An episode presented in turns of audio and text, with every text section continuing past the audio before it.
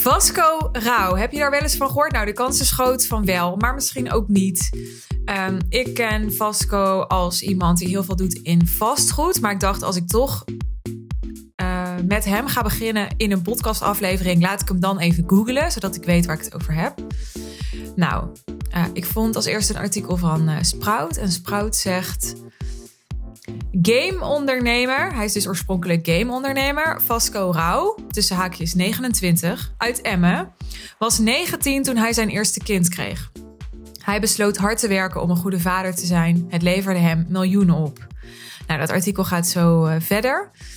Uh, maar je vraagt je misschien af waarom ik deze aflevering begin met Vasco. Nou, omdat ik hem hoorde zeggen vandaag. Iedereen zou miljonair moeten willen zijn. Of iedereen zou miljonair moeten worden. En ik heb ook wel eens zo'n uitspraak gedaan. Ik geloof niet dat ik letterlijk heb gezegd: ik vind dat iedereen miljonair zou moeten worden. Dat vind ik ook niet, want ik geloof niet dat het iedereen zijn lot is, iedereen zijn destiny. En ik geloof ook niet dat het de bedoeling is om een wereld te hebben met 100% miljonairs. Maar ik vermoed dat Vastcode ook wel iets genuanceerder bedoelt dan dat hij uh, zegt of zij vandaag. Maar volgens mij wil hij een punt maken en hij had daar ook een toelichting bij. En dat is precies hoe ik het ook voel.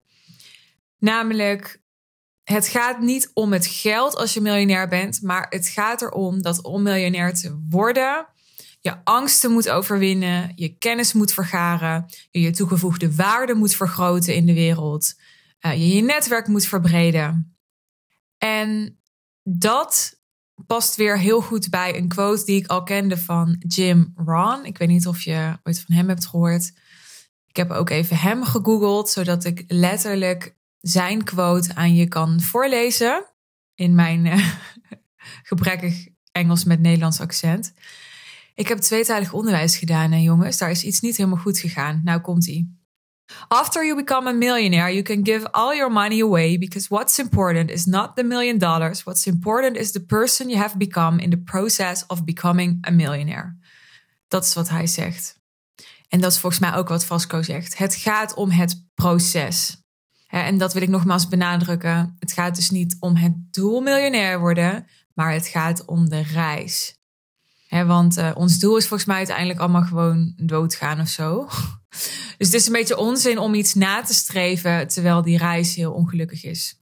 Volgens mij gaat het erom wie je wordt tijdens die reis. Wat je uit jezelf haalt tijdens die reis. hoe je tijdens die reis anders kunt denken, anders kunt ervaren, waardoor je, dat is waarom ik doe wat ik doe, meer liefde kunt gaan geven en ontvangen. Ik weet dat, dat er nog heel veel mensen zijn die, die rijkdom zien als een soort evil iets. Hè? Dat, iets wat mensen heel gierig maakt en iets wat mensen polariseert. Ik zie het juist heel erg als een kans om meer liefde te kunnen geven. Ik geloof als er rijkdom is, als er overvloed is, hè, dan kun je uh, het geld vrijmaken, dan kun je de tijd vrijmaken om er te zijn, om je in te zetten voor wat belangrijk voor je is. En misschien denk je nu, ja, maar hoezo moet je daar miljonair voor zijn? Nee, natuurlijk kan dat ook als je nog geen miljonair bent. Absoluut.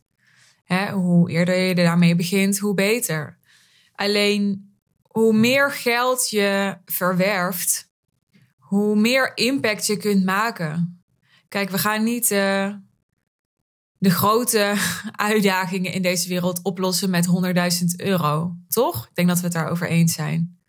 Dus denk wat groter dan jijzelf. Hè? Ik weet wel dat jij zelf niet een miljoen nodig hebt om een comfortabel leven te kunnen leven. Maar why the hell ambieer je het eigenlijk niet om miljonair te zijn? Want ja, ik heb echt gewoon goede ondernemers aan de telefoon gehad die zeiden: nee, ik hoef geen miljonair te worden hoor. En dan denk ik altijd: waarom eigenlijk niet?